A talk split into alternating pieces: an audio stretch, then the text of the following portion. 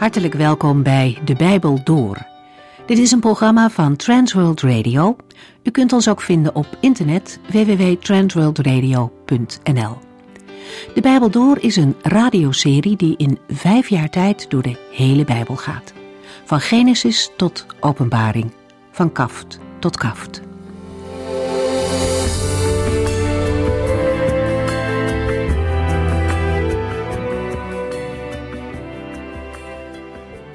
We zijn in deze serie bezig met het Bijbelboek Haggai en wel in het tweede hoofdstuk. In de eerste versen hebben we gezien dat de Heere precies weet wat er in zijn volk omgaat. Hij weet dat de mensen die bezig zijn om zijn huizen weer op te bouwen, ontmoedigd raken als ze beseffen dat de tempel, waar ze zo hard aan werken, nooit meer zo mooi zal worden als de vroegere tempel. En dan bemoedigt de Heere hen zelf. Hij noemt zich hier de Heere van de hemelse legers. En zo herinnert hij hen eraan wie hij is. Het volk heeft met een almachtige God te maken. Ze werken niet zomaar aan een tempel, maar ze zijn bezig voor de Allerhoogste God. En hij is het die hen beloofd heeft dat hij met hen is. Ze staan er dus niet alleen voor. Als wij om de een of andere reden de moed verliezen, dan mogen we ook terugvallen op het woord van God. Daar mogen we in gaan lezen en nieuwe moed vinden. Het volk in de tijd van Haggai moest leren om niet zozeer op de omstandigheden te zien, maar een oog op de Heere te richten. Hij wist er immers van dat de tempel in puin lag en dat het herstelwerk niet eenvoudig voor de mensen was. Maar hij was ook degene die hen de opdracht had gegeven om aan het werk te gaan. En de Heere had er een belofte aan toegevoegd. Hij zelf zou hen bijstaan. Ze stonden er dus niet alleen voor. Op die belofte kon het volk terugvallen als er tegenstand kwam of als het niet wilde lukken. Om het nog sterker te maken, herinnert de Heere hen aan de belofte die hij al veel eerder gedaan had. Toen Israël uit Egypte trok, beloofde de Heere dat zijn geest altijd bij hen zou zijn. En daarom hoeft men niet bang te zijn. De Heere is en blijft trouw aan zijn belofte. Dan gaat de profetie verder. Haggai mag spreken over een tijd waarin de heerlijkheid van Gods huis groter dan ooit tevoren zal zijn. In plaats van de ontmoediging over wat er geweest is, brengt hij een boodschap van hoop over de toekomst van God.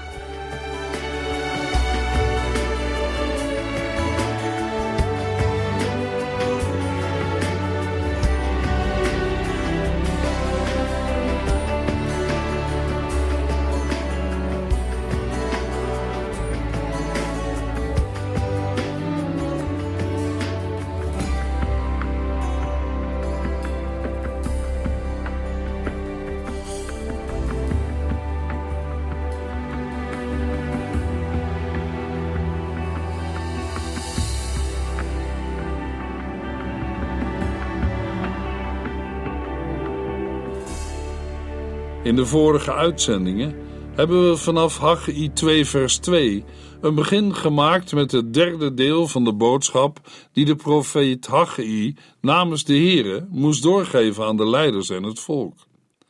Deze derde profetie is een woord van de Here aangaande de toekomst van de tempel.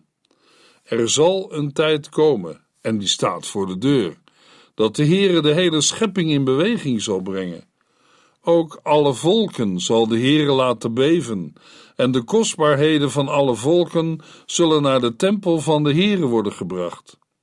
En God zal de tempel vullen met zijn macht en majesteit. Want al het zilver en goud is van mij, zegt de Heere van de hemelse legers. En omdat al het zilver en goud het eigendom van God is, moet het naar de Heere in zijn tempel komen. De woorden die Haggai in de versen 7 tot en met 10 doorgeeft, zien vooruit naar de eindtijd. Wat de Heere doet, zal hen zo aanspreken dat zij die gespaard blijven hun kostbaarheden afstaan en dat die schatten naar de tempel van de Heere zullen komen. Er staat niet letterlijk dat de volken hun kostbaarheden naar Jeruzalem zullen brengen, maar dat is niet uitgesloten zoals God destijds het hart van de Egyptenaren bewerkte, om bij de uittocht uit Egypte aan Israël hun goud en zilver af te staan. zo zal de Heer eenzelfde bereidwilligheid bij de volken in de toekomst afdwingen om hun kostbaarheden aan de Heere te schenken. Als Israël terugkeert naar huis, zal de glorie van de Heere over hen heen stromen. Wanneer de woorden van Jesaja 60 werkelijkheid zullen worden, weet ik niet. Maar er komt een dag dat mensen zullen vragen wat we lezen in Jesaja 60 vers 8 tot en met 14. Wie zijn dat die als wolken naar Israël vliegen, als duiven naar hun nest? Schepen uit vele landen, de beste die er zijn, om de zonen van Israël van ver weg weer naar huis terug te brengen. En ze hebben al hun rijkdommen bij zich. Want de heilige van Israël, over de hele wereld bekend, heeft u in de ogen van iedereen verheerlijkt. Buitenlanders zullen komen en uw steden bouwen, koningen zullen u hulp sturen. Want ook al vernietigde ik u in mijn toorn, ik zal genadig voor u zijn door mijn welbehagen. Uw poorten zullen dag en nacht openstaan om de rijkdommen van vele landen door te laten. De koningen van de hele wereld zullen tot uw beschikking staan, want de volken die weigeren uw bondgenoten zijn, zullen verdwijnen. Ze zullen worden vernietigd. De glorie van de Libanon zal uw eigendom zijn, de bossen met cipressen, platanen en dennenbomen, om mijn heiligdom te verfraaien. Mijn tempel zal schitterend zijn. De zonen van uw onderdrukkers zullen komen en voor u buigen. Zij zullen uw voeten kussen. Zij zullen Jeruzalem de stad van de Heere en glorieuze berg van de heilige van Israël noemen. En aan het slot in vers 22b lezen we: Ik, de Heere, zal het allemaal laten gebeuren als de tijd ervoor aangebroken is. Ook in onze tijd zijn er Joodse families die terugkeren naar Israël. Maar wat we in Jesaja 60 lezen, wacht nog op een volledige vervulling, waarvan de Heere zegt: Ik, de Heere, zal het allemaal laten gebeuren als de tijd ervoor aangebroken is. De woorden uit Haggai 2 vers 7 worden in Hebreeën 12 aangehaald. De enige keer dat we een citaat uit het Bijbelboek Haggai vinden in het Nieuwe Testament. We lezen in Hebreeën 12 vers 26 toen God vanaf de berg Sinaï sprak, schudde de aarde van zijn stem.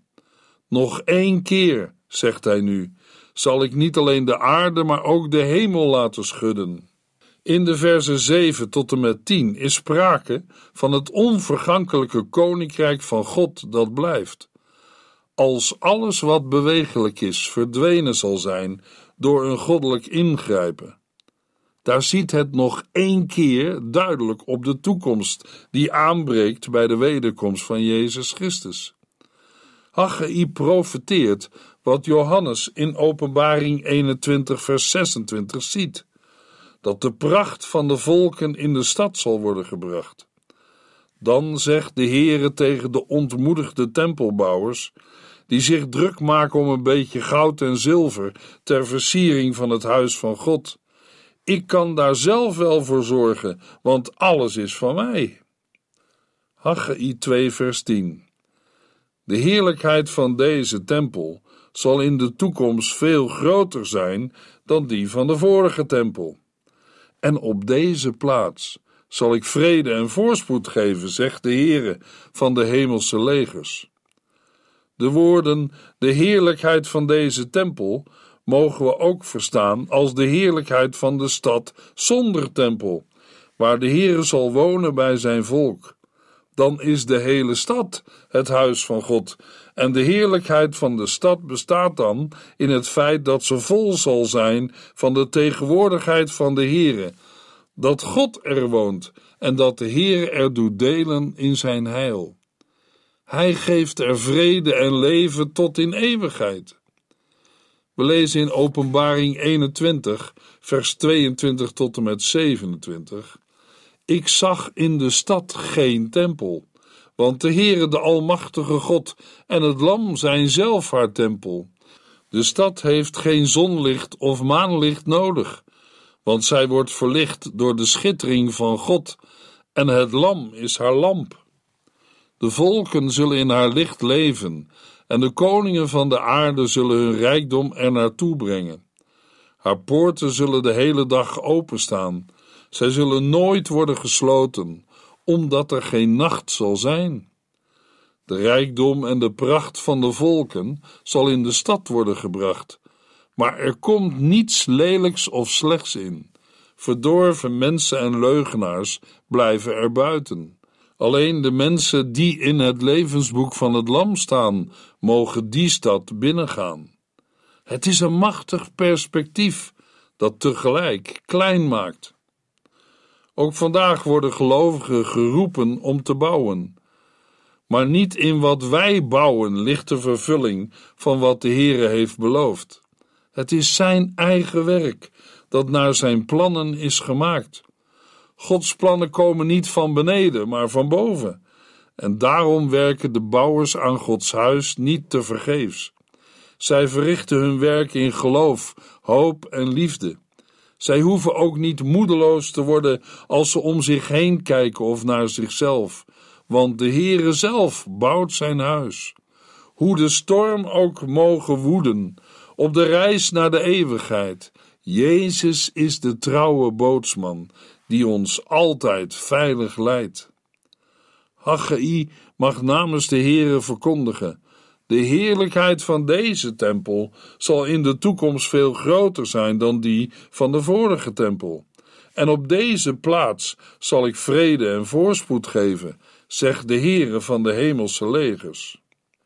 Haggai 2 vers 11 Op de 24ste dag van de negende maand van koning Darius' tweede regeringsjaar, zei de Heere tegen de profeet Haggai.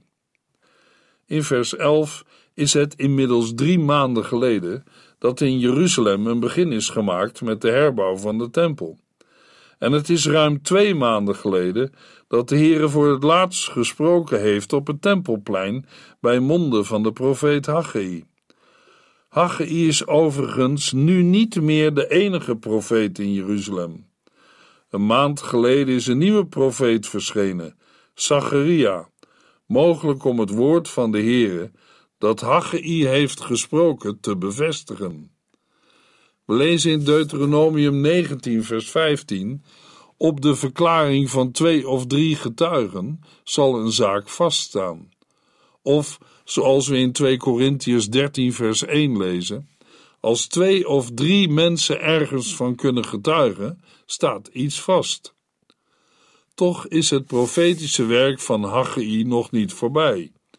Op de 24ste dag van de negende maand van het tweede jaar van Darius, de koning van de Mede, ontvangt Haggai weer een woord van de Heere. Op deze dag de laatste dag van zijn publieke optreden, voor zover wij weten, ontvangt Haggai zelfs tot tweemaal toe een boodschap van de Heere. De versen 12 tot en met 15 horen bij elkaar. Haggai moet in opdracht van de Heere aan de priesters een vraag stellen over de wet.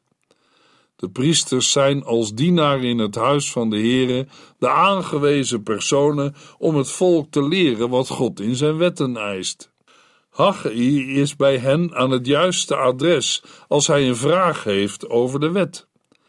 We zullen het ons in het licht van vers 15 wel zo moeten voorstellen dat Haggai geen privégesprek met de priesters heeft gehad, maar dat dit gesprek plaatsvindt op het tempelplein te midden van het aanwezige volk. De boodschap die de Heere via dit gesprek wil laten horen, is immers voor het volk bestemd. Haggai begint met twee vragen. De eerste vraag lezen we in Haggai 2, vers 11 tot en met 13. Op de 24ste dag van de negende maand van koning Darius' tweede regeringsjaar, zei de Heere tegen de profeet Haggai, stel de priesters deze vraag over de wet. Als iemand een stuk heilig offervlees in zijn kleren draagt, en zijn kleren strijken toevallig langs wat brood, wijn of vlees, wordt dat dan ook heilig? Voor de priesters is dat een simpele vraag. En misschien mogen we ook wel stellen dat Haggai hier naar de bekende weg vraagt. Het antwoord is dan ook kort en krachtig: nee. Op zich zou het niet verwonderlijk zijn geweest als de profetie van Haggai na Haggai 2 vers 10 was afgesloten, maar dat is niet het geval. Blijkbaar is de boodschap van de Heere aan de leiders en het volk nog niet af. Zij kunnen wel de tempel herbouwen, en die mag mooier worden dan weleer, en de dienst mag in al zijn glorie en precies volgens de regels van de wet hersteld worden, maar daarmee is het niet klaar. Want dan zou de dienst nog op dezelfde voet kunnen doorgaan, zoals in de tijd voor de ballingschap. Toen werd er ook veel geofferd, maar de Heere had er geen welgevallen aan. In Jesaja 1, vers 11 en 12 moet de Heere zeggen: Ik heb genoeg van al uw offers, stop er maar mee. Ik wil uw rammen en het vet van uw gemeste kalveren niet meer.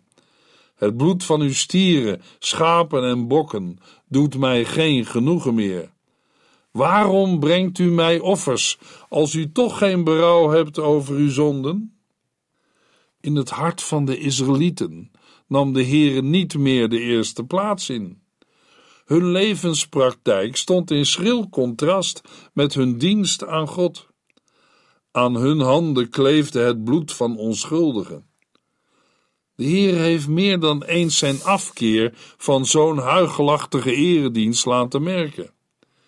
In 1 Samuel 15, vers 22 en 23 zegt de profeet Samuel tegen Saul: heeft de Heere net zoveel genoegen in uw brandoffers en geschenken als in uw gehoorzaamheid? Gehoorzaamheid is hem veel meer waard dan offers. Hij heeft liever dat u naar hem luistert dan dat u hem het vet van de rammen offert. Want opstandigheid is net zo erg als toverij, en koppigheid is net zo erg als aanbidding van afgodsbeelden omdat u het woord van de Heer in de wind hebt geslagen, heeft hij het koningschap van u afgenomen. Met de woorden die na Haggai 2 vers 10 volgen, wil de Heer een huigelachtige eredienst bij het teruggekeerde volk voorkomen. Daarom daalt hij dieper af in hun situatie en legt de Heere de uiteindelijke oorzaak bloot waarom zij in de ballingschap terechtkwamen. De Heere doet dat door de leiders en het volk een les uit de wet voor te houden. Het belang van het moment waarop God dat doet, komt daarin sterk naar voren, namelijk op de 24ste dag van de negende maand van koning Darius' tweede regeringsjaar. Dat is midden in oktober, de tijd waarin de vroege regens vallen. We lazen in Haggai 2 vers 11 tot en met 13 op de 24ste dag van de negende maand van koning Darius' tweede regeringsjaar, zei de Heere tegen de profeet Haggai, stel de priesters deze vraag over de wet. Als iemand een stuk heilig offervlees in zijn kleren draagt, en zijn kleren strijken toevallig langs wat brood, wijn of vlees, wordt dat dan ook heilig? In eerste instantie zijn deze woorden voor Haggai bedoeld. Hij moet aan de priesters twee vragen stellen. De eerste vraag gaat over een man die een stuk heilig offervlees in zijn kleren draagt. We zullen daaronder vlees van een rein offerdier moeten verstaan, dat als offer aan de Heer is gewijd. Als de man met zijn kleren toevallig langs wat brood, wijn of vlees strijkt, wordt dat dan ook heilig? Het antwoord van de priesters is kort en krachtig: nee, Natuurlijk niet. Wat Haggai namens de Heere duidelijk wil maken is: aanraking met iets dat heilig is, maakt nog niet heilig. We lezen het antwoord van de priesters in vers 14 aan. Heiligheid gaat niet zomaar van het ene op het andere over. Dan volgt de tweede vraag. En daarin gaat het over het omgekeerde. Haggai 2 vers 14b. Toen vroeg Haggai maar als iemand een lijk aanraakt en zo volgens de wet onrein wordt, en dan iets aanraakt, wordt dat dan onrein? Het korte en duidelijke antwoord is ditmaal: ja, inderdaad. antwoordden de priesters. Ook nu had Haggai geen ander antwoord verwacht. Onmiddellijk volgt de boodschap, waarin dit korte vraag- en antwoordgesprek de inleiding is geweest. Haggai 2 vers 15 Zo is het ook met dit volk in de ogen van de Heere. Alles wat ze oogsten, alles wat ze doen en alles wat ze offeren is onrein. Wat wil de Heere met deze boodschap zeggen tot de leiders en het volk? En mogelijk, gezien het feit dat zij als eerste worden aangesproken, vooral tot de priesters? Daarover lopen de meningen van Bijbeluitleggers zeer uiteen. Een opvatting die nogal bijval heeft gekregen is de gedachte dat Haggai hier waarschuwt tegen samenwerking met de Samaritanen bij de herbouw van de tempel. Deze opvatting rust voornamelijk op het feit dat in de Hebreeuwse tekst van vers 15 gesproken wordt over een volk en over een natie. Als we vers 15 in een andere Bijbelvertaling lezen, dan luidt de tekst: Toen antwoordde Haggai: Zo staat het met dit volk en zo staat het met deze natie voor mijn aangezicht, luidt het woord van de Heere. En zo staat het met al het werk van hun handen en wat zij daar offeren, dat is onrein. Volgens een aantal Bijbeluitleggers moeten wij bij de woorden volk en natie aan Israël en de Samaritanen denken. Maar dat lijkt mij, gezien de inhoud van het Bijbelboek Haggai, onwaarschijnlijk. In de profetieën van Haggai vinden we geen enkele verwijzing naar de Samaritanen. Ik denk dat wij de uitleg van vers 15 in een andere richting moeten zoeken. Om te beginnen moeten we bedenken dat de begrippen heilig en rein bedoeld zijn in de zin van de Heere toegewijd of de Heere toebehorend. Heilig offervlees is dan ook vlees dat de Heere toebehoort, omdat het bestemd is voor een offer. Iets dat onrein is, hoort niet bij God. Nu is de korte zin van vers 13: iets wordt niet heilig doordat het met iets heiligs in aanraking komt. En de korte zin van vers 14 is: maar iets wordt wel onrein als het met iets onreins in aanraking komt. Kortom, het heilige is niet besmettelijk, maar het onreine wel. Luisteraar, als er een stukje van ons leven aan God is toegewijd, dan betekent dat nog niet dat ons hele leven heilig is. Maar daartegenover staat, als er in ons leven een onreinheid zit, een zonde, dan tast die onreinheid alles aan. Mogelijk kent u de spreuk: één dode vlieg doet de zalf van de apotheker stinken. In de brief van Jacobus lezen we in Jacobus 2, vers 10: Als iemand zich aan de hele wet van God houdt, maar die op één punt overtreedt, is hij in feite net zo schuldig als iemand die de hele wet heeft overtreden. Kortom, wie tegen één gebod zondigt, staat schuldig aan de hele wet. Moeten wij, op grond van de vragen die aan de priesters worden gesteld, de woorden in Haggai 2 misschien zo begrijpen? Dat juist de priesters wat gereserveerd stonden tegenover de profetische oproep tot herbouw van de tempel.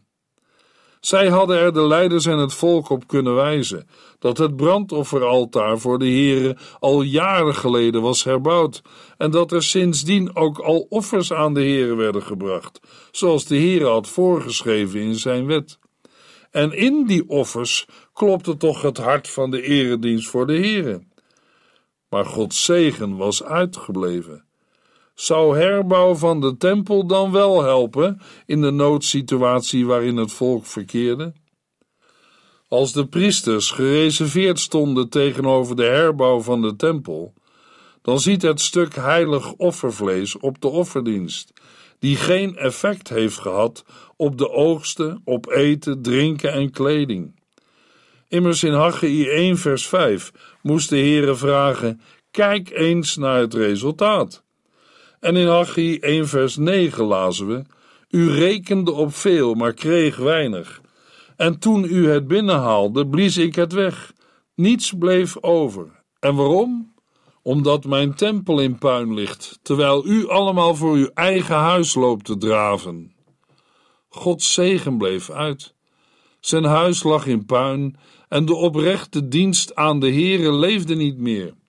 De hartelijke liefde tot de dienst van de Heere God ontbreekt. Liefde die zich uit in medelijden met de ruïnes van Sion en die dringt tot herbouw van Gods tempel. De offers worden wel gebracht, maar niet met de juiste gezindheid. Het heeft meer weg van: wij hebben gedaan wat u hebt voorgeschreven, heren, dan is het toch goed. Maar God liefhebben boven alles en met heel je hart is wat anders dan doen wat er wordt gevraagd. Als iets ons hart heeft, dan is dat te zien, te voelen en werkt het aanstekelijk. Dan wil een gelovige niets met onreinheid te maken hebben. En als hij of zij wel in onreinheid valt, dan is zijn of haar gebed: Heere, maak mij rein voor u als gelouterd goud. Dan buig ik mijn hoofd en bid: Heere, doe niet met mij naar mijn overtredingen, maar naar uw genade en barmhartigheid. Maak mij sterk waar ik zwak ben en reinig mij met het bloed van uw zoon. En dan hoor ik de woorden van God, woorden die de profeet Jezaja mag doorgeven. Ga u wassen, maak u schoon, maak een eind aan uw misdaden, ga het kwaad uit de weg. Leer goed te doen, wees rechtvaardig en help de armen, de wezen en de weduwen. Kom en laten we kijken wie er gelijk heeft, zegt de Heere. Al waren uw zonden rood als scharlaken, ik maak ze wit als sneeuw. Al waren ze vuurrood, ze zullen worden als witte wol. Laat mij u helpen en gehoorzaam mij, dan zal het land u volop te eten geven. Luisteraar, God is in staat uw, jouw en mijn onreine hart en leven te veranderen. Maar daarover meer in de volgende uitzending.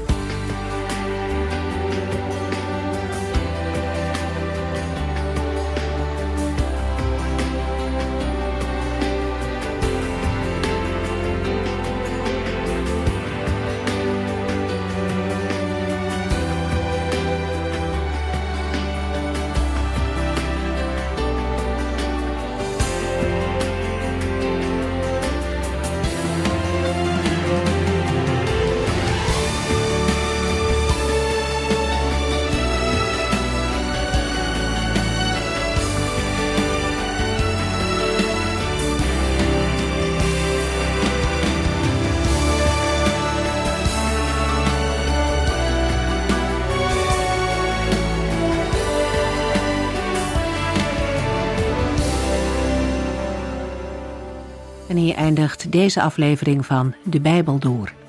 Een serie programma's van Transworld Radio. Wilt u ons iets vragen of meer weten? Dan kunt u altijd contact met ons opnemen. Bellen kan overdag met 0342 478432.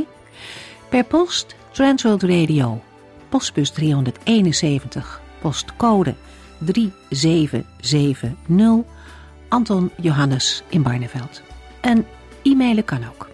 De Bijbel door at transworldradio.nl En natuurlijk ook via onze website transworldradio.nl Dit programma werd gepresenteerd door Cor Weda en Ike André. En namens iedereen die er nog meer aan meegewerkt heeft, graag tot de volgende keer.